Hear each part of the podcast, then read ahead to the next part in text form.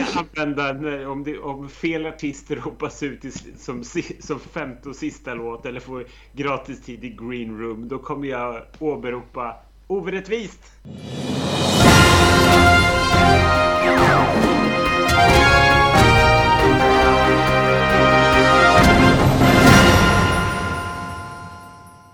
Hej allihopa och välkommen till ytterligare ett avsnitt av Schlagerprofilernas podcast. Och nu har vi haft final, vi har en vinnare och vi har eh, en kort stund återgått till vårt vanliga liv. Jag heter fortfarande Ken och sitter i Göteborg och jag tror att Ronny fortfarande heter Ronny och sitter i Stockholm. Jag heter inte Ronny längre, nu heter jag Robin Bengtsson. så, så passande för det finns inte så många sådana. Jag har bytt namn. Vin, jag känner att det är ett vinnande namn. Ja, precis. Du, du tänkte I can't go on och sen bytte du till Robin ja, Bengtsson istället. Jag bara skojar. Jag heter Ronny Dina Larsson. Så fick jag det sagt. Nu ska jag inte säga namnet under hela podden. Det tror jag inte vi kommer klara, men vi kommer till det sen.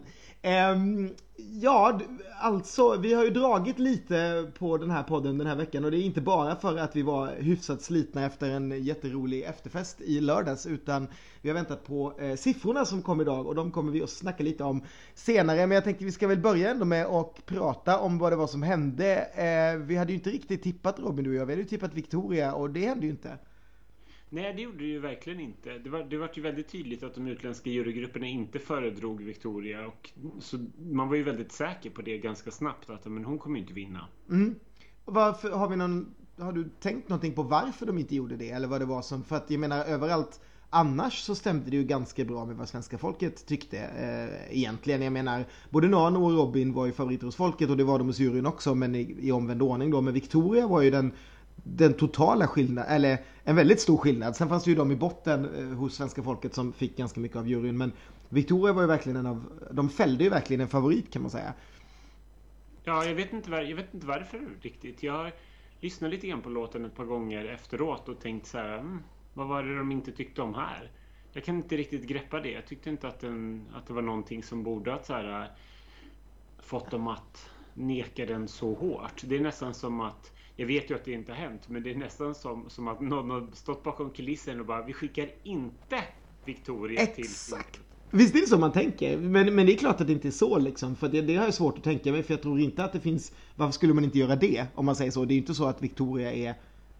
Jag vet inte, jag ska inte säga något för jag tyckte de flesta var ganska bra. Men det är inte så att Victoria är oväl liksom. Så att det, det, jag kan inte heller... Jag förstår verkligen inte vad det var de inte... Det är klart att man kanske inte att det kanske inte är ens favorit, men det här var ju verkligen ett totalfall hos alla djurgrupper. Det är som att country funkar inte utomlands. Eller något, eller den typen av countrypop i alla fall. Nej, men tydligen inte. Det måste vara någonting sånt. Att det, var, att det, var, att det kanske var väldigt svenskt eller, eller nordiskt på något sätt. Att jag vet inte vad, jag kommer inte ihåg vad Norge gav, men jag tänkte just att det kanske bara är liksom norra Europa som går igång på den här, men medan Armenien bara, nej, det här vill vi inte ha. Ja, jag tror att eh, jag tittar lite snabbt här på siffrorna så hon fick mest. Hon fick en åtta från Storbritannien vilket väl var det mesta och sen Norge och mm. Frankrike. Men det är ju, det är ju väldigt så här eh, spritt. Hon fick ju liksom fem stycken nollor och då är man ju rökt. Och det, det hade vi ju lite pratat om innan att den internationella euro skulle, av, eh, skulle avgöra och verkligen som de avgjorde skulle man kunna säga. Det, Precis. det var liksom, jag menar alltså let's face it, vi kan väl ta det med en gång. Den här appen kan ju inte fort...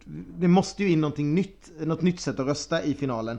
För att jag menar, nu när vi inte hade någon frans, eh, delar man juryns... Eh, juryn har ju då totalt lika mycket poäng att dela ut som, som svenska folket har. Men skillnaden är att juryn bara behöver rösta på åtta låtar istället för på alla tolv. Eller bara ge poäng till åtta låtar. Så att Eh, men om man då tänker de här 473 poängen som juryn har att dela ut, de ska de fördela då varje jurygrupp på åtta låtar. Svenska folket ska fördela dem på 12 låtar. Delar man 473 i mitten, eller på 12 olika lika stora högar, då får man 39 poäng. Och när då första låten som de delar ut till får 30, då förstår man ju att det här kommer inte liksom, det kommer inte vara några jättevariationer i de här om den som får minst får 30. När liksom 39 är liksom ett snitt för att alla ska få lika mycket. Eh, och det, det är ju, jag menar, då ledde Robin redan med, med 30 poäng. Och tittar man då, om man kör lite mera mattesnille på det här, så visar det sig att för varje svensk poäng, alltså varje poäng som folket ska dela ut så behöver någon få ungefär så här 30 000 röster liksom. Man behöver trycka 30 000 gånger på hjärtat för att det ska få en poängs skillnad.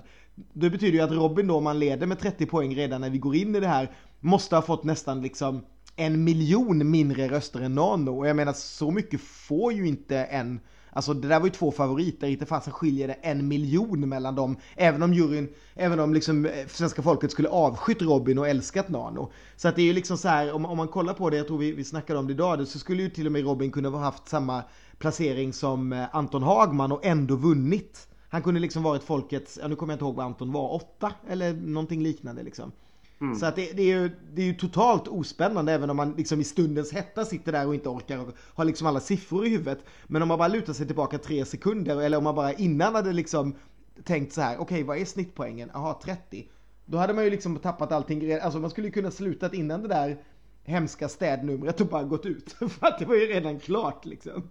Ja men verkligen. Och, det, och alla har vi väl en kompis som sitter i soffan och har räknat ut i förväg redan. ja men det är väl så. Ja, nej, jag håller helt med. Man, man, måste, man måste se över det där. Det där är ju ett problem. Det är, det är ju inte kul liksom att sitta och titta på det. Man vill ju ha en variation verkligen i, ehm, i röstningssiffrorna. Det är ju vansinne att ha det så här liksom. Ja. Och, men, och sen spricker det ju helt känner jag det här med med Nano, Robin och Victoria. Menar, det skiljer ju verkligen vad var det, sju poäng mellan Robin och Robin och Nano. Så att jag menar. Ja. Nej, det är ju helt... På, på det stora hela så ja, det är ju jättemycket om en poäng i si och så många röster. Men jag menar i slutändan så är det ju sju poäng. Det gör ju verkligen... Och jag menar det är ju en sjua från juryn, typ. Alltså, typ, ja men exakt. Precis så är det ju. Och, och då är det ju helt absurt att de, får som, att de har så mycket inflytande liksom medan vi inte har något inflytande alls nästan. Nu tycker jag att det blev rätt i slutändan i alla fall. Ja, det var ju fine med vilken vi hade en, vilken i toppen vi än hade åkt med. Eh, men, men det här känns ju bara som ett jätteproblem. Jag tycker SVT måste ju utreda det här och, se, och sluta bara titta på eh, röstningssiffror. Bara, det är klart det står röstningsrekord. Det är hur lätt som helst att sitta och trycka på en jävla hjärtapp liksom. Ja, folk, men jag menar folk röstar ju på allt bevisligen. Vilket är ju helt sjukt egentligen. Alltså att man kan rösta på så många Eh, så många olika favoriter. Det är ju liksom som att man i riksdagsvalet skulle kunna få liksom hjärtösta på alla partierna liksom. Och så skulle alla få ungefär lika stor del. Och för, för, det finns så många aspekter av det, för jag håller ju med dig. Vi är ju helt överens där. Vi har ju absolut inga problem med att Robin vann. Jag skulle faktiskt säga att det är att föredra över någon och den kan vi komma till sen. Eh, jag tycker att det blev ett helt perfekt resultat eh, som, som det blev. Men framförallt, det, det blir ju fruktansvärt tråkig TV om inte annat. Jag menar, när de gjorde om Eurovision, SVT, till någonting som var så fruktansvärt rafflande meddelande liksom som man höll på att trilla av stolen senast. Mm. Och så får vi det här där liksom, eh, ja, det, det, blir så fruktansvärt meningslöst. Och jag menar i delfinalerna, deltävlingarna, då bestämmer svenska folket allt. Där finns ingen jury. Men när vi kommer till finalen, då får bestämmer svenska folket ingenting. Plötsligt. Det, det, blir ju väldigt konstigt. Sen är jag helt för att vi ska ha en utländsk jury. Jag tycker att det är roligt. Jag gillar också jurygrejen. Eh, att, att det ramlar in siffror på det sättet. Jag tycker det är tråkigt om vi bara skulle ha folkets röster. Eh, jag tycker att de ska vara en fingervisning och let's face it, även då om någon var folkets etta och även om man har läst till leda det här då att om man hade kört på det gamla systemet och han hade fått vad det nu var 144 och allt bla bla bla så hade han vunnit över Robin. Let's face it, han fick 11,9% av rösterna, Victoria fick 10,9, Robin fick 10,6 och Jon Henrik fick 10,3. Folk tyckte de där fyra låtarna var lika bra, punkt. Mm. Det är liksom inte så. Det, så att det här var väl bara bra då att det fanns en internationell jury som kunde säga ja, fast vi tycker att ska ni välja någon av de här fyra så ska ni välja den. Fine, så det är ju jätte, alltså slutresultatet är jag helt med på. Men som TV blir det ju helt meningslöst och vi har absolut, det finns ju ingen mening för svenska folket att rösta utan då får vi bara lyssna på dem egentligen liksom. Ja men så. precis, ja, det, känns bara, det känns bara jättekonstigt. Men det är också en så här, det är också ett bevis på att vi, får, vi har verkligen starka låtar i final i slutändan. Folk släpper inte låtarna ändå. I och med att, att, att äh, låtarna fick så höga poäng av svenska folket. Allt ifrån Andra chansen-låtarna till liksom de som verkligen gått raka vägen till final. Mm. Det är väldigt coolt ändå. Ja, jag menar Anton Hagman fick ju över miljonen. Det är ju jättehäftigt egentligen, alltså, mm. som har kommit från Andra chansen. Um, något annat, du vill säga? Jon Henrik kom trea, vi var ju vana lite för den men nu kan jag känna att det var rätt härligt att han kom trea ändå, att en låt på svenska med så här, lite etniska inslag ändå kan komma så högt upp fortfarande liksom, fast vi röstar så mycket radio. Ehm, jag tycker det är skitkul just Nano-grejen, herregud. Han, jag vet inte hur många gånger han sa det på den där efterfesten. Eh, och hur mycket jag har hört i intervjuer att han bara tycker det var fantastiskt att få vara folkets etta. Och nu slippa åka till Kiev och liksom riskera egentligen som ny artist att förlora hela det där igen. Genom att kanske, ja men vad vet man, åka ut i en semifinal i Kiev mm. liksom. Ja, Så, nej jag tycker att att resultatet blev, blev jättebra på, på alla plan. Det är ju liksom, allting var ju väldigt väntat på något sätt. Det är klart att man kanske hade... Jag hade nog trott att The Foe and O skulle hamna lite högre upp med tanke på att, jag, att de liksom... De, de, de, har en hit liksom som ligger mm. ganska högt och trodde det skulle funka lite bättre.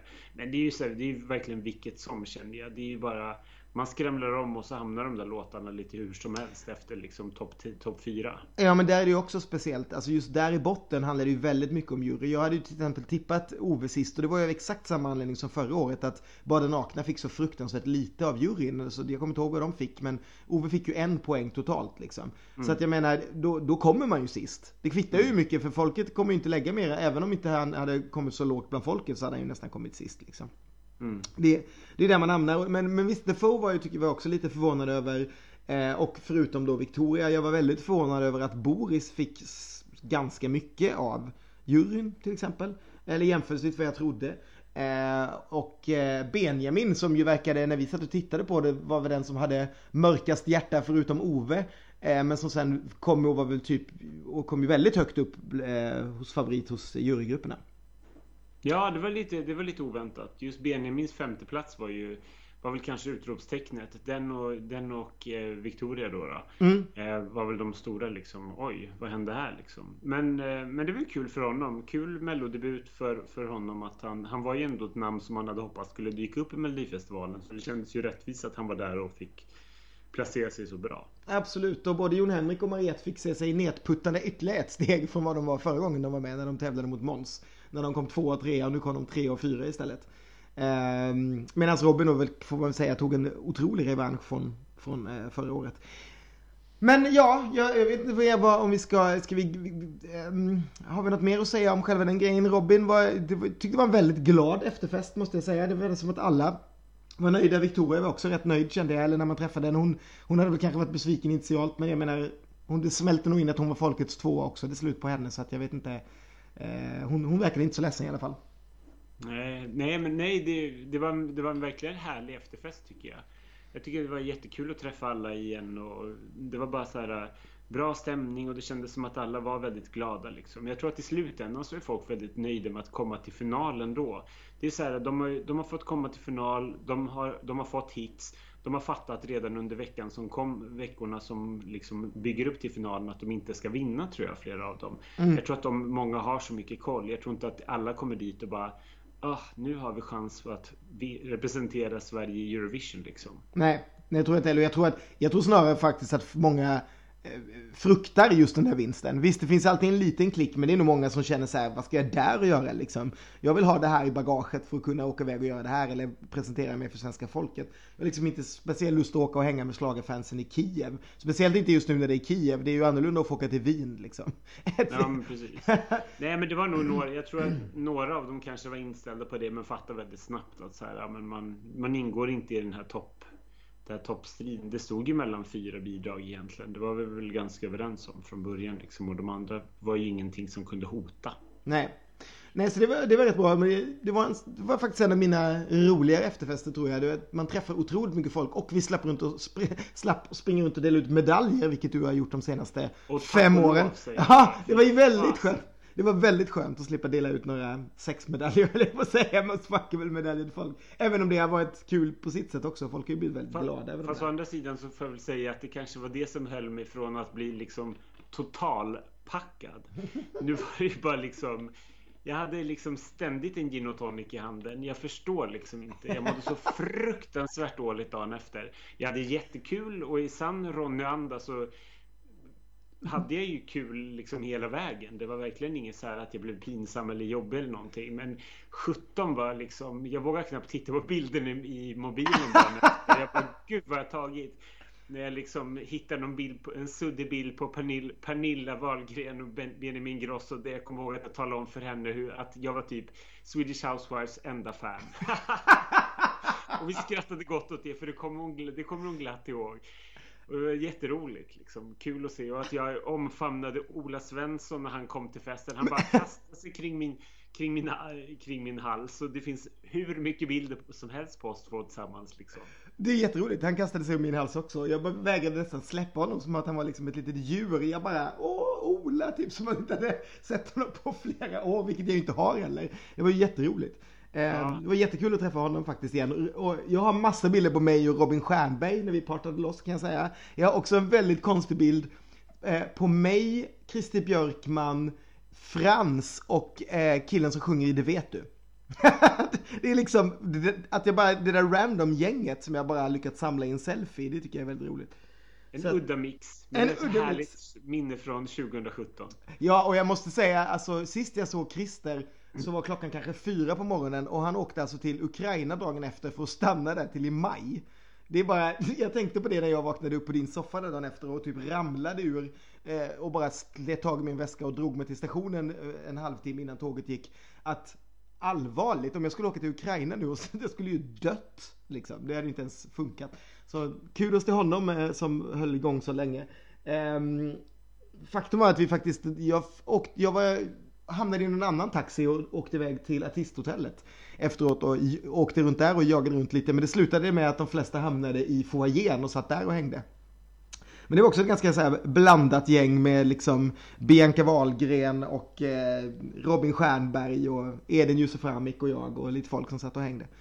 Så att, det, det unga gardet. och morfar!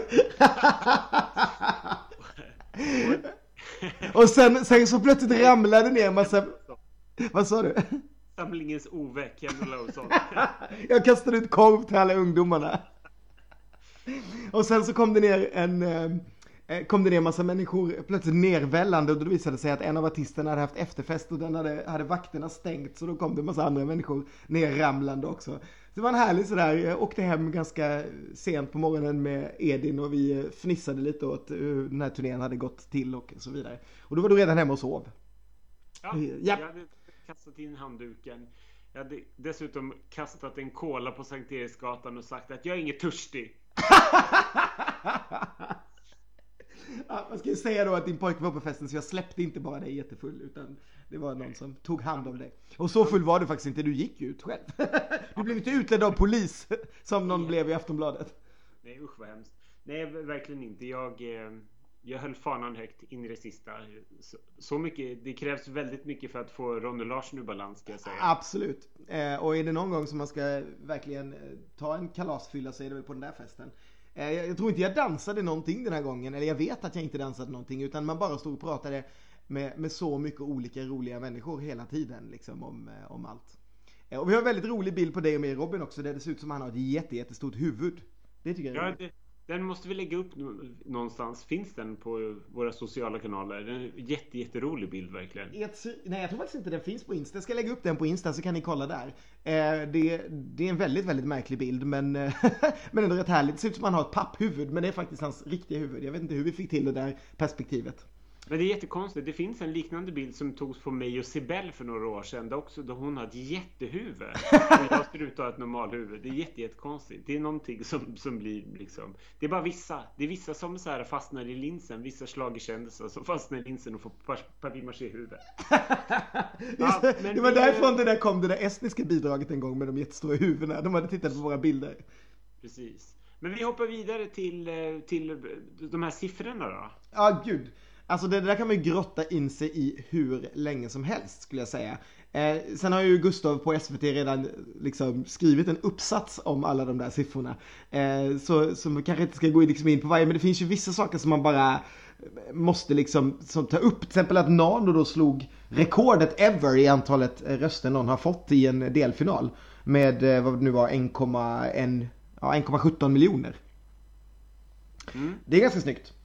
Eh, men det har ju såklart att göra med apprösten också, att den blir mer och mer populär. Men han, han var ju verkligen favoriten från Göteborg och hela vägen in i mål hos folk. Precis som vi på något sätt misstänkte men trodde att vi tappade under vägen. Men det var ju en rätt magkänsla vi hade där att det var så som det var. Mm. Eh, och sen vet jag, vill bara säga det också för att jag vet att det är väldigt stora missuppfattningar så här på Twitter och så kring det här. Men eh, de här siffrorna SVT lägger upp, det är ju inte så att i omgång ett är det app och i omgång två är det telefon. Men det vet ju kanske ni som röstar och lyssnar här i Sverige. Eh, utan det är ju telefonröster och eh, appröster huller om buller. Jag menar en, en, del tar alla sina appröster och ringer redan från ruta ett. En del sparar sina appröster och eh, kör först i omgång två när de ser vilka som har gått vidare. Eh, och, och, sprider det sådär. Sen är det väl klart att de flesta bränner sina appröster i första omgången. Det är mycket barn som röstar då. Och sen när man kommer till andra så är det många som eh, kanske inte har kvar några röster och då kör på telefon. Så jag skulle väl gissa att det är mera telefon i andra omgången. Det kan man ju bland annat se sen när vi kommer till sådana personer som man kanske misstänker har lite mer appröster som Ove och sådär. Att de kommer rätt hårt i andra omgången. Eh, men, men bara som, som, så vi har det klart att det, det, är, det är ju mix båda gångerna liksom. Det finns ju människor som sparar sina röster såklart och inte kör för den andra omgången och så vidare. Gud, det hade jag ingen aning om. Jag tror inte, jag tror inte man kunde apprösta andra omgången. Jag trodde att det var bara att det var bara först och sen var man tvungen att ringa. Nej, nej, du kan, eh, du kan apprösta. Det var bara första året när de hade, körde in den här appen, Måns-året. Men från och med förra året så kan du använda din appröst eh, ända fram till, till slutet. Jaha, det ser man. Det ser man. Ja, egentligen så var jag inte... Jag läste ju också de där siffrorna och sånt. Det var bara två saker som var viktiga för mig. Det var hur nära var Dinarna och Bello och Filippa en, eh, en andra chansen-plats. Ja. Det visade sig att det var väldigt tydligt att Dinarna inte var det. Så tack och hej Dinorna, nu släpper jag dig. ja, det man kan säga där var väl att, att, att det vet du var ju som starkast första omgången. Om man ska vara lite generaliserande här så kan man väl misstänka att eh, det är mera barn som röstar i första omgången kanske. Eh, och sen så kom ju eh, eh, Boris mycket, mycket starkare i andra omgången när han fick 89 000 röster och de fick 48 000 bara. Så det var en ganska stor ryck. Sen var jag lite förvånad över att, att Charlotte var så himla nära Adri Adriana. För Adriana är en liten favorit hos dig och mig. Så det var väl, jag var lite chockad över att de fick så himla lika procent. Jag var vansinnig. Jag vill ha namn på alla de som röstade på Charlotte. Men annars var det väl inte sådär jättemycket konstigt i första liksom. Ace och Onano var, var, var favoriter. Sen visst, Bo, hade, hade det varit så att man hade nollställt eh, i mellanomgångarna som man gjorde fram till 2011. Då hade ju Boris gått vidare istället för Ace Wilder i första omgången. Men då kanske också röstningsbeteendet hade varit annorlunda.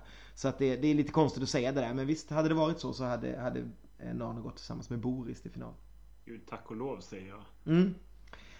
Um, Ja, sen har, vi, sen har vi omgång två som var fruktansvärt jämn, vilket vi ju faktiskt redan misstänkte när vi var där. Eh, att Mariette och Benjamin och Lisa var jäkligt tajta liksom i, i den eh, eh deltävlingen. De hade ju liksom ja, 997 000, 969 000, 966 000. Alltså Lisa hade faktiskt några fler än vad Benjamin hade första omgången. Men sen kom Benjamin stenhårt och hade mest av alla i omgång två. Så att eh, då blev han ju tvåa efter Mariette. Mm, det är lite coolt ändå. Det är lite coolt ändå. Men, men, det var också väldigt, det var ju också väldigt, väldigt, väldigt gjutet liksom. Det visste vi ju redan. Absolut, men hade man nollställt där i omgång två så hade Dismissed kommit före Lisa Ajax. För de fick, de fick mycket, mycket mer röster i omgång två än vad hon fick. Eh, så det är ju lite intressant. Och det var ju också väldigt, väldigt nära eh, mellan Roger Pontare eh, som hade mer röster i omgång ett än vad Dismissed hade. Och Roger fick också väldigt mycket röster i andra omgången. Men men inte så mycket som eh, Lisa och Dismiss då, så att han eh, försvann. Och det här är lite ganska, jag måste bara flika in en grej där, för vi har en tjej som heter Emma Mårtensson som har skrivit på vår Facebook. Och jag tänker inte dra allting hon har skrivit där, men hon har kollat lite i snitt hur stor skillnad det är när man, hur de ropar upp bidragen, du vet vilka som går vidare, du vet uppdrag, så här, nummer ett är vidare, här är bidrag två, du vet, och sen så mm, mm. till slut är det kvar en så här och eh, hon säger så här att om man kollar på ordningen de har läst upp och vad det har gett i de senaste åren 2012 till 2016 så läser man upp som första bidrag så tappar man i snitt 13% av sin röster liksom i omgång två. Om man läser upp som nummer två så tappar man 10%. Om man läser upp som nummer tre så ökar man däremot 3,6%. Och är man nummer fyra som man läses upp så tappar man också ungefär 0,6 men bara marginellt. Men däremot om man är nummer fem, alltså den sista som läses upp, då ökar man med 22%. Så det är en jättestor skillnad om du blir uppläst som det första bidraget eller om du uppläst som det sista bidraget. Eh, som, som går vidare. Intressant. Det är superintressant för det gör ju här då att eftersom eh, till exempel, jag, jag, tror att det var, eh, vi ska se vilket exempel hon hade här, att, eh, jo att Dismissed lästes upp sist. Till skillnad från Pontare som upplevs som trea. Eh, så Pontare minskade sin andel medan Dismiss drog ju iväg som fasen i andra omgången och det stämmer ju precis med det mönstret som hon, eh, som hon säger. Gud vad intressant. Det är, jätte, det är ju jättespännande. Men det, men det ligger ju helt klart någonting i det. För på någonting, någonting inom en känner ju att den som ropas ut först, ja men den, den ettan, tvåan och trean, de var säkert vidare. Medan femman hängde verkligen på, det var på gränsen där. Och skulle den verkligen gå vidare, för man, man får ju se de här tre som, som är på väg att åka ut och så bara, ah, oh, den gick vidare. Mm. Det är jätteintressant. Så att det måste det, där, det här måste Christer få veta bums. Nej men precis. Det, det är liksom, och, och, det är lite som det där Eh, Eh, hon skriver också så här, man kan ju konstatera då att SVT ville ha en skräll i deltävling 3. För fyra bidrag låg ju väldigt nära varandra eh, och då borde det enda bidraget som inte riktigt tävlade om något i andra gången läsas upp som sista bidrag tar sig vidare. Alltså vad hon menar är att Bella och Filippa, Ove, Hagman och eh, The Foe låg ju ganska nära jämfört med Robin då som, som var en ganska tydlig om vi nu hoppar in till, till trean. Alltså han, han hade ju mycket, eh, han hade ju nästan eh, 120 000 mera röster i första omgången. Då borde ju han läst upp eh, sist. Om, det nu, om man hade vetat att det är sista betyder att få en boost. Men det var ju Ove som lästes upp sist. Eh, vilket gjorde att liksom, nu hade ju säkert Ove tagit sig vidare ändå, det, det, ska jag ju säga med en gång. Men där skulle man ju kunnat varit neutral på ett annat sätt liksom. Nu kommer jag inte ihåg vad Bella och Filippa lästes upp, men jag kommer ihåg att du och jag reagerade på att det var en väldigt märklig ordning som man läste upp de där bidragen i. Eh, och sådär. Så det, det där är väldigt, väldigt intressant. Och eh, tack så jättemycket Emma som har skrivit det. Ni gärna kan läsa på vår Facebook idag på ett inlägg vi har lagt in. Och eh, jag ska absolut kolla upp det här till nästa år och vi ska ha lite ögon på det och eh, såklart credda Emma då också. Ja, verkligen. Det här ska jag granska med lupp varje år från och med nu ska jag säga. För det, det här kommer jag ihåg från första deltävlingen. Då, då tror jag att Dina Narr ropades upp först och det var ju det var väl den som så hängde på den och det vet du var väl de som var, man kanske som man inte var helt säker på liksom. Mm. Vilket jag tyckte var så konstigt att man, man vill ju spara dem som är som man hur hon, ska det gå liksom? Hon berättade också en rolig grej att Dinana eh, var ju den hon tapp, som tappade fruktansvärt mycket i, mellan liksom omgång 1 och omgång 2. Och Dinana har faktiskt rekordet där eh, sedan innan. Hon ligger tydligen redan plats 2 på en sån 10 topplista över de som, artister som någonsin har tappat mest mellan omgång 1 och omgång 2. sen förra gången hon var med. Och, och nu var hon jättenära att komma in på 10 topplistan igen skriver Emma, men hon kom bara till plats 11. Så att hon, hon kunde varit den som hade fått två bidrag till den som tappar mest i andra omgången. Tappdrottningen Dinana. Tappdrottningen Dinana liksom.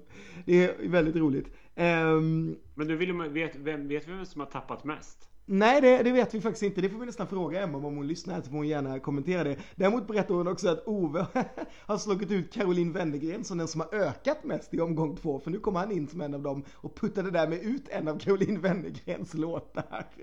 Det handlar ju om procentuell ökning här liksom. Så att, ja, det är väl lite roligt. Gud vad intressant. Det här tycker jag var jättekul. Mm. ja, nej men, ja, men all kudos till Emma. Jag läser rakt in från hennes, eh, från hennes eh, inlägg här på vår Facebook. Och hon har även koll på hur eh, det var när det var två separata röstningsomgångar då eh, 2004-2007 och 2009. Ehm, och sådär. Och då var inte tendenserna lika starka som de har blivit nu efter då med, med appen och sådär. Men det är oerhört intressant. Det där ska jag verkligen föra fram till Christer också. Att det verkligen, du, du kanske de har redan koll på det. Men då, det blir ju mycket, mycket intressantare eh, att titta på det där. För har SVT koll på det, mm, då kanske man kan få en liten hint om vad det är de vill. Vem vill de boosta, vem vill de inte boosta och så vidare. Så att, ja. Och samtidigt, om vi nu vet om det här så är det omöjligt för dem att stoppa det så hela tiden. För det skulle ju bli märkligt. Jag vill, jag vill fortfarande flagga för att även om det var kanske var gjutet att OS skulle gå vidare så, så var det inte nog med den. Dessutom fick han den här en minuters rappen för sig själv i green room helt ensam. Det tycker mm. jag var orättvist. Det, var, ja, det är faktiskt, men det är en helt otrolig siffra. Han har ju 158 000 röster i andra omgången. Det är ju liksom ingen som ens är i närheten av den. Eh, det, Nano hade ju 122. Och det är bara det, det var ju väldigt mycket. Och sen var det väl Jon Henrik också som hade över 100 000 i andra omgången. Annars är det ju ingen som går över 100 000 i andra omgången. Eh, så att eh, verkligen, Oves röstare de kom verkligen i, i andra omgången. Och det roliga är ju där att om vi hade nollställt i omgång tre eller i, i eh, deltävling 3. Då hade inte Robin gått till final, då hade Robin gått till andra chansen. För både Ove och The Foo hade bättre, eller högre röster i andra omgången än vad Robin hade. Vilket kan ju bero på då att Robin eh, ropades upp först. Nej, precis. Ja, precis. Och därmed liksom eh, missade eh, kanske lite röster. Nu vill jag, så jag vill lansera uttrycket overättvist. Det ska använda när, om, det, om fel artister hoppas ut i, som, som femte och sista låt eller får gratis tid i green room. Då kommer jag åberopa orättvist. det där är jätteroligt. Ja. eh, ja, vi är väl redan i, i trean här. Som sagt, det var ju jäkligt tajt alltså. Och det man märker där också är att eh, Anton Hagman gick ju jäkligt bra. Han, eh, han fick ju ganska mycket röster i, eh, i, i, totalen. Och eh, han, men nu ska vi tänka, vad var det nu? Jo men Bella Filippa var väl femma hela, ja rakt igenom. Eh, det var de, de faktiskt. var ganska nära Anton Hagman. De var ganska nära Anton Hagman, ja det skilde, skilde ganska lite. De fick 15,13 procent av rösterna totalt medan Anton fick 15,36. Så det var ju väldigt, väldigt nära. Och det märker man ju också på något sätt. Alltså jag vet ju att många har pratat om också, det, jag har sett mycket så här sura utländska Victoria-fans. Du vet, det finns ju alltid de då som sen bara slår över och så är allting värdelöst när inte deras favorit vinner Melodifestivalen. Eh, som ju klagar på det här då att, att Robin var ju faktiskt den som fick minst röster av vinnarna i respektive deltävling. Eh, men grejen är att han var ju å andra sidan i den mest jämna deltävlingen där folk verkar ha haft flest favoriter. För det var ju verkligen tight mellan, i alla fall, ja men fem, det var fem bidrag det stod mellan men de andra fyra var det ju väldigt, väldigt tight mellan. Eh, så det är väl klart att han kanske fick mindre när det, när det finns, jag menar i, i delfinalen innan fanns det ju i stort sett bara tre bidrag att rösta på. Om vi ska vara Precis, så här, här gick ju alla fyra vidare. Ett, ettan, tvåan, trean och fyran. Exakt, och med tanke på hur bra Bella och Filippa gått så skulle man inte få dem, men de skulle nog, folk skulle nog gärna tagit en femte också därifrån. Vilket mm. vi ju kanske inte alls trodde när vi satt i Växjö och sa ja här finns ju ingenting och i alla fall inte vinnaren och så plötsligt har vi fyra bidrag och vinnaren i Växjö. Det säger en del om vad vi, vad vi vet vad vi pratar om när man väl är där. Ja, det är väldigt svårt att se framtiden. Mm. Ja. Yes, och jag i då den intressanta omgång fyra, eller semifinal fyra, så var ju Victoria eh, överlägsen i första omgången med eh, 987 och hon var ju den enda som totalt sett fick över miljonen så hon var ju ganska tydlig. Och jag menar Jon Henrik var ju ganska nära Loreen. Jag menar hade vi hade vi brutit där i, i andra, som igen, klassikern, då hade Loreen och Jon Henrik gått till final och Victoria hade bara gått andra chansen. Men Victoria var ju som sagt väldigt eh, långt före i första omgången så att det gjorde att hon seglade som etta vidare till final med Jon Henrik på andra. Det var ju ganska tydligt där också. Det var ju inte, jag skulle inte säga att eh, Loreen nosade direkt eh, eh Jon Henrik i hälarna men visst, hon var ju tydlig trea helt enkelt. Och man kan ju också konstatera att hon hade mindre röster totalt i sin semi än vad Anton Hagman hade i sin. Eh, och han gick vidare som fyra.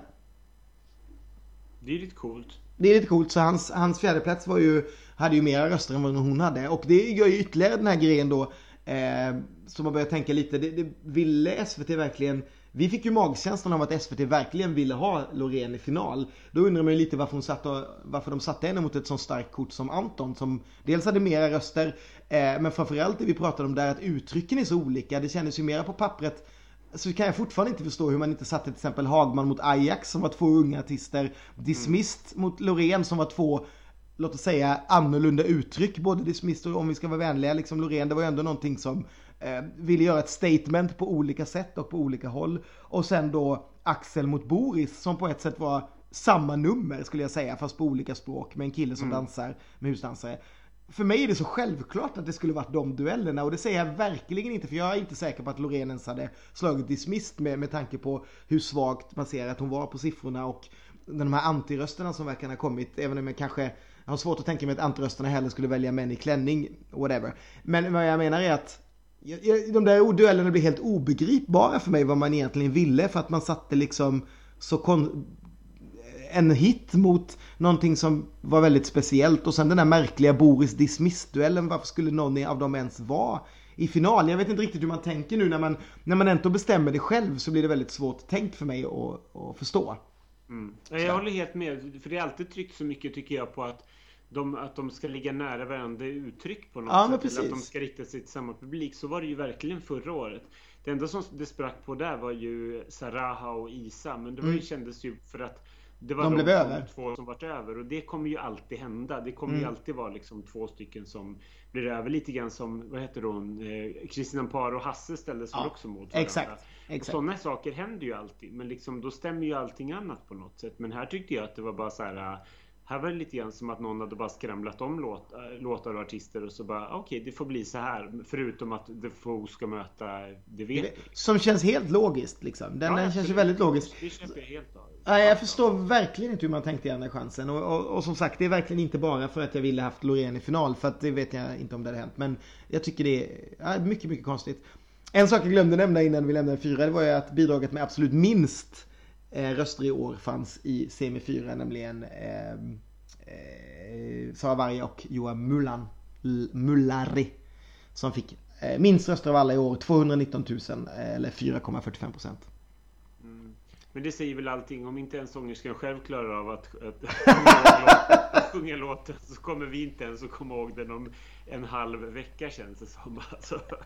Det där är verkligen ett favoritklipp när, när Sara Varga verkligen glömmer att hon ska sjunga mitt under låten. Det, är- det ja, det, det Det fan, det är fan up there med Pernilla Emme när hon dricker ett Exakt. glas vatten. Jag skulle precis ta upp Pernilla Emme. Jag skulle precis ta upp Pernilla Emme. När man inte klarar att sjunga tre minuter utan att gå och dricka också. Det är liksom det är helt vansinne. Det här är ungefär up there. Nej gud vad, vad tragiskt. En annan rolig grej som jag tycker är lika kul varje år. Det är det här att liksom rösta på de som inte är med i omgång två. Alltså när folk ringer på, på låtar som inte är med. Och det rekordet slogs i år i omgång tre när det var 21 721 röster som lades på bidrag som inte hade gått vidare till omgång två.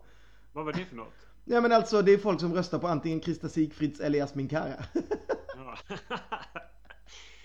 Ja, Det är liksom- men, det var, men det var kanske, det var kanske så här finlandssvenskar som inte så förstod svenska att, eh, att Krista inte hade gått vidare. Så att de röstade på henne i alla fall. Det är helt sjukt och det, och det finns i varje liksom, omgång. Men just i den omgången så var det verkligen 21 700. Det är helt vansinne liksom. Ja, Ja. mycket märkligt. Men, och, det kan, men, och där kan vi bara säga att det var väl lite kul att Krista var den hon var väl den som var sist. Hon var ju sist, men hon fick mest röster av alla sista platser i år. Ja just det, det stämmer. Hatten av för Krista. Det var vi mycket glada över tycker jag. Ja hon fick ju till exempel eh, ja mera både än både Etsia och Aliwan eh, fick. Och hon fick mera än, just det, en Perelli. Men inte mera än Adriana. Nej. Mm. Bra, bra. Här surfa in med bland alla, alla siffrorna. Och jag vet inte, finalen har vi väl redan eh, pratat Ja, det, om. finns inte, det finns inte så mycket att säga där tycker jag. Väl, Nej. Sex bidrag fick över miljonen röster av folket, vilket väl är ganska fett, måste jag säga. Ehm, men den har vi an- väl andra sidan rutat i. En, annan, en rolig grej är ju, eh, som jag snor direkt från, från Gustav här, är ju att vi, har, vi hade ju den jämnaste duellen genom tiderna i Andra chansen. Lisa Ajax fick 50,15% av rösterna och Axel fick 49,85%. Så de, därmed så kickade de ut Sonja Aldéns 50,25% av rösterna som hon fick när hon vann mot Magnus Uggla i, i Andra chansen 2007. Eh, så att, ja. Snyggt va? Coolt. Det var ju, det var ju verkligen roligt. Det pratade vi om att just den duellen skulle kunna bli spännande. i och Med att han hade lite bass efter att ha kommit från vecka fyra liksom. Exakt, det var alltså mindre än 6000 röster som skilde. Och det är ju nästan ingenting. Och då, hade, då, då ska vi komma ihåg att då hade Alex eh, slag, eh, slagit ut, Axel slagit ut Alice med bara 8000 röster eh, i sin deltävling. För det var den jämnaste liksom eh, mellan fyran och femman som gick vidare. Så att eh, Axel han kravlade sig vidare på ena sidan men sen tappade han det på den andra. Så att marginalerna var inte med på honom hela vägen. Det är någon där uppe som, som tyckte att det skulle vara någon måtta får det vara. Nu har han kravlat sig förbi Alice. Då får han kravla sig tillbaka till Lisa. Hej och liksom. Eh, och Mariette var den enda deltävlingsettan som inte, som missade topp fyra. Istället var det ju eh, Jon Henrik som kom där och Mariette kom ju femma. Men annars så var det ju liksom ettorna från respektive deltävling som eh, kom i toppen. Vilket vi alltid brukar vara. Det Nej, Mariette var ju fyra. Ja, förlåt, förlåt, förlåt, förlåt, förlåt, förlåt. Ja, precis, precis. Mm. Eh, så var det. Mm. Jag bara tänkte så här, det, det, det, där, det där rekordet vill, vill Timotej alltid behålla. De var ju också den enda vinnaren som inte, som inte lyckades placera sig i topp fyra utan de blev femma för att Darin gick om på Ja, ah, just det. Just det. Nej, det var väl... Det var, Saker man aldrig glömmer. Nej, det var väl bland... Eh, just det, det var inte slutresultatet utan det var väl bland folkets röster. Menar jag. Ja. Där, var, där var ju eh, Mariette eh, femma. Medan de, medans de andra tre var ju i topp. Alltså Nano kom ju etta, Victoria kom ju tvåa. Eh, Robin kom ju trea hos folket. Men sen så kom ju det in en, en tvåa från deltävling som fyra hos folket. Så var Jon Henrik och sen kom Mariette femma. Eh, så jag menar det där. Eh, nej, självklart var det inte så hos, eh, hos jurygrupperna när de blandades in. Men eh, annars så var det ju så. Yes. Yes. Ja, har vi grottat i de här eh, siffrorna nu. Eh, ja, det tycker jag. Nu, finns det, nu, får vi, nu får vi lämna Melodifestivalen 2017 bakom oss. Du, du lämnar den... Du lämnade i alla fall... Hej, hej, hej! Du lämnade ju den med att Bella Filippa var alltså den femman som fick det högsta antalet röster i alla fall. Det kan du ha med dig i en liten påse. Ja, det är en klen tröst. ja, samtidigt hade ju dina lägst röst i årets röstningsomgång två. Så att det, det, det, det jämnar väl ut sig någonstans där kan man säga kanske. Ja, ja. Jag, jag, kommer ändå alltid hävda att jag, jag, tror att båda bidragen hade kunnat klara sig bättre i en annan del. det, det, är svårt att säga det nu för man tänkte ju alltid att, ja, det, i, i trean hade det inte gått så himla bra för någonting. Men jag vet inte vilken, vilken, vilken Ja men det måste ju vara i Malmö man hade velat vara den här gången för där känns det ju verkligen som att fjärdeplatsen var en gratisplats som Dismissed fick där, måste jag säga. Eh, och har väl, det har vi väl tyckt hela tiden. Och det blev väl ganska tydligt på något sätt att det känns som att det var så. Ja, alltså, alltså verkligen. Jag, jag måste ändå säga att jag tycker att både etta, ettan och trean är, är bra mycket starkare än tvåan. Liksom, mm. I tvåan var det ju verkligen tre bidrag och sen var det ju, var det ju skräp liksom. Det var ju det var ju, fanns ju ingenting. Jag menar Dismissed, Etsia, Alia One. Vilken var sista där? Eh, Så jag har glömt bort det. Eh, Pontare var det Pontare såklart, just det. Ja, men mm. den var väl, ja, det var väl okej. Men det kändes ändå så här, eh. Det mm, kändes bara som att det inte fanns någonting för barnen där. Nu låter jag bara, jag, jag tänker bara på barnen. men det fanns ingenting riktigt så här som, som, riktade sig, som riktade sig till barn. Förutom, skulle det vara Lisa Ajax då med, med ja, hennes kanske. foul mouth? ja men precis, alltså så var det nog. Jag menar, eh, jag var ju på det här genrepet med min eh, syskonbarn och min, eh, min fyraåriga systerdotter var ju besatt av Lisa Ajax. Men jag tror hon förstår ju fortfarande inte vad det är hon sjunger. Typ. Så att, så att eh, ja, jag, jag, tror väl att kanske man misslyckas lite med just den där fuck-biten. Eh, så att säga. Ja, ha, nej men ska vi stänga igen Melodifestivalen alltså? Det, det låter lite sorgligt. Eh, jag måste ju säga att jag det känns rätt skönt att vara ute ur den där bubblan just nu kan jag säga. Jag, hade inte ork jag tror inte min kropp hade orkat ännu en vecka. Eh, däremot så vet jag ju att jag framåt torsdag kommer sakna dig något så otroligt för att undra vilken restaurang vi ska gå till. Liksom. Ja. Eller hur? Man bara eh, och kommer så här eh, texta dig och Anders och Hanna och undra vart vi liksom ska ta vägen. Efter... Men det är skönt på något sätt att man ändå vaggas ut ur det här lite sakta men säkert. Att så här, andra chansen är lite speciell, speciell grej liksom med, med fredagen där, där det inte är repetitioner och sånt. Och finalveckan blir ju väldigt speciell också.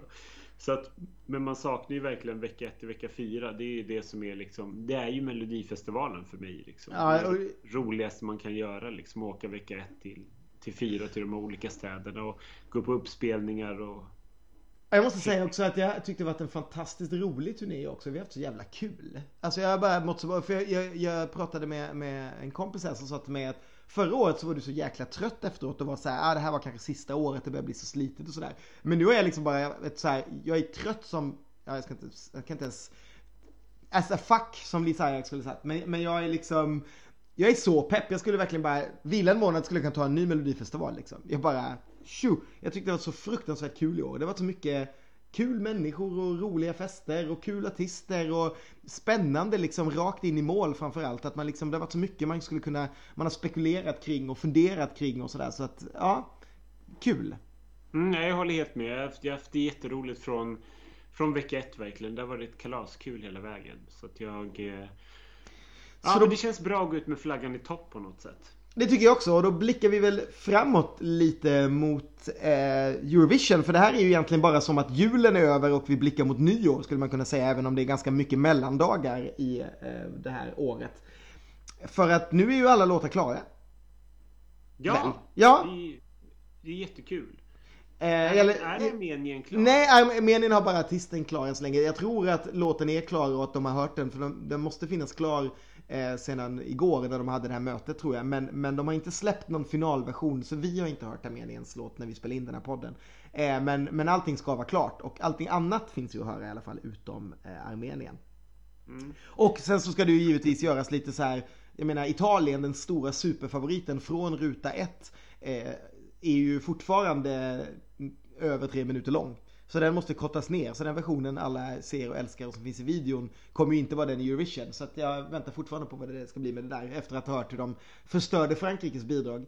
Eh, så är jag väl lite nervös för det. Men annars så som sagt så är det mesta där. Och vad, vad, vad, kan man säga liksom? Är det något, vill du ta upp något speciellt bidrag till en början? Ja, det vill, det vill jag göra för att jag, jag tror att jag varit jag tror att jag varit ännu gladare för det bidrag som vann på Island än jag vann för det bidrag som vann i Sverige.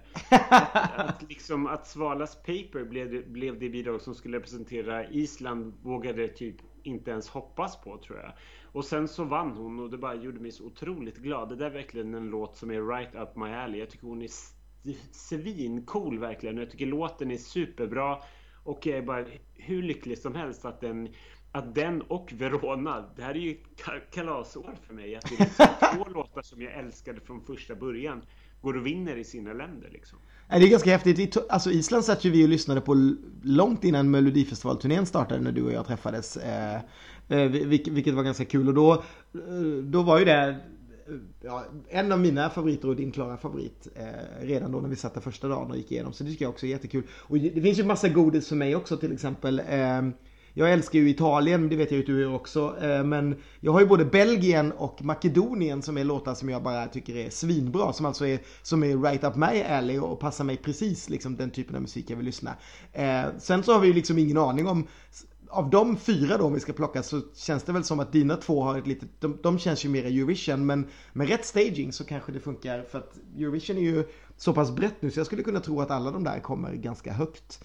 Eh, det är bra låtar, både liksom i liksom en mera kanske en bredare eller in, mer inbjudande genre som du har eller den mera liksom kanske elektroniska som jag gillar. Så det ska bli mm. svinkul att åka med, med dem. Sen är det ju mycket märkligt men jag måste säga att jag är mycket mer positivt inställd än jag bara var för en vecka sedan. Jag tycker det kommit ganska mycket på sluttampen som jag kan lära mig att gilla eh, och sådär. Mm, ja men verkligen, det tycker jag också. Jag tycker det känns som ett mycket, mycket roligare år. Sen är... Det är lite tråkigt, det är fattigt på upptempo, det är det ju. Det är det som är det tråkiga. Man hade saknat Spanien där, den, den där eh, liksom glada trallen som vi hade i, eh, eh i Düsseldorf. Ja men precis. Den saknar man lite.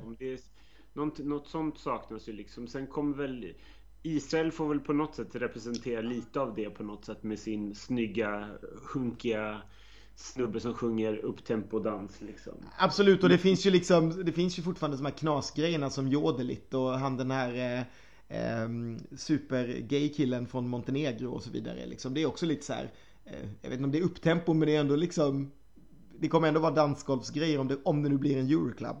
Eh, ja, ja absolut. Mm. Det kommer det definitivt vara. Däremot så måste jag säga att det, vilket, så lustigt verkligen med Litauen som har haft den längsta uttagningen av alla liksom. Ja. Väljer en riktigt, riktigt dålig låt tycker jag. Har du hört den? Nej, jag har inte hört den faktiskt. Men det roliga var att jag har ju följt det där med ett halvt öga. Och sen såg jag vad som hade vunnit. Alltså jag läste bara namnet på det och kände inte igen det alls. Jag vet inte ens vad det var för någonting. Nej men det var bara så här. Äh, jag vet inte. Konst, konstigt, experimentellt utan att vara liksom så här äh, edgy. Jättekonstigt. Jag bara tyckte det var en riktig skitlåt liksom. Det kändes som att så här, de är gjutna att eh, missa sin finalplats i år. Tack vare det där. Och det är så märkligt när man har hållit på så länge och så sållar man fram det, det där skräpet liksom. Men sen måste jag ju säga att jag eh, jag har ju fastnat för den irländska låten. Guilty Pleasure du har tror jag. Jag tycker den är fantastiskt härlig. Det är ju en riktig så här boyband-ballad. My Love West Ja men det är det. Den, den gillar jag också.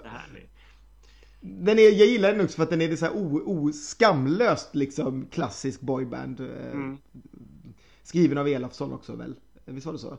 Ja, jag tror det. Jag tror det. Mm. Alltså det, det, jag håller med dig, den, den, tycker jag också är härlig. Jag har också börjat tycka om eh, England, eller Storbritannien mer och mer. När den fick lite ny kostym eh, och sådär. Jag gillar henne, jag har gillat henne redan innan. Eh, så det är också en, en, låt som jag inte trycker bort när den kommer. Men, men visst, jag håller med dig. Eh, is, eh, vad, vad säger jag? Irland och Australien är liksom låtar som jag tycker är helt okej okay ballader även om de är ganska klassiska liksom ballad, ballader. Så, så mm. finns det ju väldigt mycket fina ballader där. Och Verona är en ultimat guilty pleasure för mig också fortfarande. Jag kan inte titta nog på det där roliga klippet där han är helt ointresserad av henne. Jag älskar de här konstiga slagballaderna där, där det är ett par som inte bryr sig ett piss om varandra liksom. Han bara fångar varenda kamera och hon ser ut som att hon försöker liksom gnida sig upp mot honom men han bara... Tycker det är underbart. Ja, nej det blir, det blir roligt. Det ska bli kul att gå igenom det här och se lite när, när sakerna ställs mot varandra och man ska lyssna igenom det ordentligt. Jag har, inte, jag har verkligen inte orkat. Jag, jag, höll, jag tycker jag har bättre koll nu än vad jag haft något år tidigare. För vi alltid pratat om det i bubblan liksom. Att ah, nu har mm. den tagits ut och sånt där. Men gud, jag orkar inte sätta mig med och lyssna på Eurovision-låtar nu direkt efter festivalen. jag, jag försöker eh, ta in det jag har. Vi har ju en lista som ni kan eh, prenumerera på som det finns länkar till. Eh, som, som har de alla Eurovision-låtarna som är på Spotify. Och jag jag, jag, lägger en liten stund varje dag skulle jag säga när jag står och jobbar. För då lyssnar jag alltid på musik ändå. Eh, och kör några stycken, bara du vet. För, för att liksom få några som fastnar och liksom där, lära mig lite vilka de är. För jag vet att jag har jättenytta av det sen när vi, när vi närmar oss. Eh, och jag, ja, vi, vi, måste också ta upp att Valentina Moetta Jag orkar inte ens prata om det, jag bara skratta oh, Jesus. Valentina Monetta är tillbaka en fjärde gång med en låt av Ralf Sieg. för för San Marino och det är kanske, alltså det, det är så fruktansvärt dåligt. Va? Det är liksom en, en, egen klass av dåligt på något sätt. Vad är det med San Marino? Vad är det med det landet? Vad gör de? Alltså, jag fattar så... ingenting. Jag såg, när jag såg den där videon så ville jag bara säga Men allvarligt, hur kan de plocka in den där kvinnan en gång till och med liksom Och Sigel som gör bara sämre och sämre låtar för varje år som går. Den var ju så fruktansvärt dålig och tjatig. Jag bara får Usch ja, men, hemskt. Ja men funk och disco också eller vad det liksom är för typ av liksom musikstil i botten. Ja, jag vet inte. Jag vet, jag vet, inte ens om, har, har de sagt att det är det? Det är kanske bara jag som hittar på nu att, att det är eh, Ralf Siegel. Men jag kan liksom inte tänka mig att någon annan skriver en låt som A låter sådär och som B tar in Valentina igen. Det måste ju vara han liksom, eller? Ja, det, jag, kan inte, jag kan inte se någonting annat heller. jag tycker det där är så roligt, jag orkar inte ens. Ja, Ehm, men i alla fall, det där, det där är, det där, om ni inte har hört den än så om ni vill höra något riktigt, riktigt dåligt så bara gå in och eh, kolla. Nej men titta, jo då. Ralf Siegel har producerat den men det är två andra låtskrivare om man går in här på Wikipedia och tittar. Så det är klart att farbror Ralf har varit där inne och petat och eh, han kan nog räkna med att inte komma till final igen, eh, ska han se. Och Norge valde ju också i lördags förresten, den har jag inte hunnit lyssna på än. Nej, det tyckte inte jag var så kul heller. Det, tyvärr så lider ju våra grannländer av, väldigt, av att sålla fram väldigt anonyma bidrag. Jag tycker att jag förstår, inte, jag förstår vad man har tänkt men jag tycker att låten inte har någonting. Det här är ju liksom en någon slags modern danslåt med en, med en känd DJ och en sångare som är väl hyfsat bekant liksom. Men det, jag tycker inte alls att det sticker ut och jag, jag, tycker verkligen att den lider av samma problem som Danmark. Att det är liksom det är kompetent och bra men jag tycker inte att det liksom alls håller måttet. Jag förväntar mig mycket bättre av våra grannländer. Nu när allting har sållats ut så tror jag fortfarande att, att den finska låten sticker ut tillräckligt mycket för att kunna ta sig vidare ändå i sin filmiska egenhet på något sätt. Mm. Jag är ju rätt säker på att både Sverige och Island kommer gå från vår semifinal. Men det är mycket möjligt att det blir Finland också. I så fall skulle alla de tre nordiska gå från vår och förmodligen ingen då eh, från eh, den andra. Eller ja, Estland räknas ju också till vår, till vår grupp när vi lottas. Och Estland kommer väl förmodligen gå till final hoppas jag. Eh, men, men Estland, Dan Danmark och Norge är ju i samma semi medan vi, Finland och Island är i samma. Och eh, man får väl räkna nästan med att om man kollar lite hur det ligger till i vår. Vi har en ganska eh, kul eh, eller stark semi om jag jämför mot den andra skulle jag säga. För vi har ju eh, Finland då som du nämnde och Island men också Azerbajdzjan och Australien. Vi har, eh, vad är det mer? Vi har där, ja, nu ska jag säga Grekland låter ju fånigt kanske med tanke på hur det lät men, eh, Men den kommer väl ändå räknas till upptempo och, eh, och grekerna är ju ändå greker när de gör upptempo. Och sen har vi Belgien där också som är en stor favorit till mig. Så att det, det blir ändå en ganska vass semi tror jag. Men det ska inte vara något problem för Robin att ta sig vidare. Nej, det borde det verkligen inte vara. Jag såg, att, jag såg senast idag att han ligger trea på bettinglistorna nu. Vilket jag tycker känns helt rimligt. Jag tycker det ska vara Det ska fan mycket till tycker jag för att vi inte ska placera oss i alla fall topp 10 år liksom. Ja nej men topp 10 tror jag också det ska bli. Det ska, det ska till mycket. Då ska de göra bisarra nummer de andra länderna. Eh, utan det, det, tror jag vi gör. Det, det har vi inte pratat om förresten. Numret kommer ju behöva ändras lite här nu för att eh, i Sverige får man ju som bekant ha inspelade körer och man får ha åtta personer på scen. Så Robin hade ju väl två eller tre stycken körsångare bakom och de var fem på scen. Eh, nu kommer ju om, vi, om ska fortsätta vara fyra killar plus Robin på rullbanden, vilket vi väl vill, för det kommer se lite lamt ut med två personer kanske. Eh, då behöver ju de här fyra personerna kunna sjunga. Så vi kommer ju behöva byta ut de där dansarna mot, mot sångare. Eh, och så. Däremot ska det inte vara något problem att kunna starta i kulissen. Och känns det inte lite som att Sverige då som är lottad i första delen på CM1 kanske får öppna alltihopa? Jo, kanske. Det vore väl inte helt omöjligt. Och det vore väl kanske rätt eh, bra också. Ja, det är väl inget... att det är så här, man kommer ihåg det och det är en härlig liksom start på tävlingen. Det är ändå bara 18 bidrag. Det borde inte vara några problem att komma ihåg honom och hans rullband även om han startar. Och eh, det känns väl också som att som det ser ut nu så är det väl Christer Björkman som sätter startordningen och det kanske också skulle upp, göra det lite lättare för honom att låta Robin verkligen gå ut först. För det är väl inget nummer som folk kanske slåss om att gå ut först. Eh, även om eh, man väldigt traditionsmässigt i Eurovision aldrig slåss om bidrag, startnummer två. Men alla vill ju gå ut mot slutet såklart. Ja, precis. Men det handlar väl också om så här förhandstippningar och sånt. att sådana saker måste väl spela in. Så att ja. man, jag menar, så här, man sätter väl kanske ett ganska svagt bidrag som nummer två. Det måste man göra. Framförallt så vill man ju öppna, om man, Christer kör ju alltid samma taktik när han sätter startordningar. Man vill ju öppna med någonting eh, där det är alltså något upptempo. Och det finns fan inte mycket att hämta alltså, i, i upptempo. Jag menar Australien är ju där, Albanien är där i vår halva, Belgien är där i vår halva, Portugal med sin ballad är där i vår halva, Finland är där. Så att jag menar det är Montenegro och Sverige, nu kommer jag inte ihåg vad Georgien har. Eh, men, men det är ju liksom Montenegro och Sverige som har någonting som är hyfsat upptempo i första halvan. Så mm. what to do liksom. Eh, I vilket fall kommer det bli långa sömniga perioder med ballader. Det kan man ju räkna med. Mm, verkligen. Ja, det, ja. Blir, det blir längre fram. När kommer vi tillbaka med nästa podd? Ja, det beror väl på när... Eh, vad, vad tänker du resa iväg någonstans? Annars så tänker jag att vi försöker fortsätta göra poddar så ofta vi kan och eh, så fort vi har någonting att prata om. Eh, vi skulle väl kunna prata nästa vecka om någonting kanske redan. Det beror på om vi kommer på någonting. Vad tror du? Mm. Jag tänker att vi kanske kan försöka få in någon gäst om vi nu inte har sådär jättemycket att prata om så här i början. Eh, som kan få prata någonting och det kan vi ju diskutera men det vore ju en, en eh, anledning att få ut något. Sen vet jag att du, du som alltid är så himla brest ska åka iväg på massa, massa resor säkert men... Nej, men, inte, inte förrän efter Eurovision så det är lugnt. Ja men då så. Då tycker jag att vi kör på och framförallt så ska vi börja pyssla ihop eh, inför Eurovision-poddarna. Jag kan väl säga att jag, jag redan på efterfesten gick runt och drog folk i skjort eh, ärmarna och frågade om de ville vara med i våra poddar. Så att eh, ja, vi får se vad vi får ihop för, eh, för folk. får se vad, vi, vad, vad, det kommer bli. Det kommer bli fem stycken Les Gordons.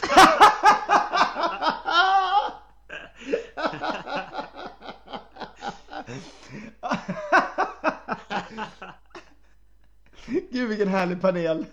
ja, Schlagerfina och Les Gordons 1, vecka 1. ja, nej, nej, så kommer det inte bli kan vi säga.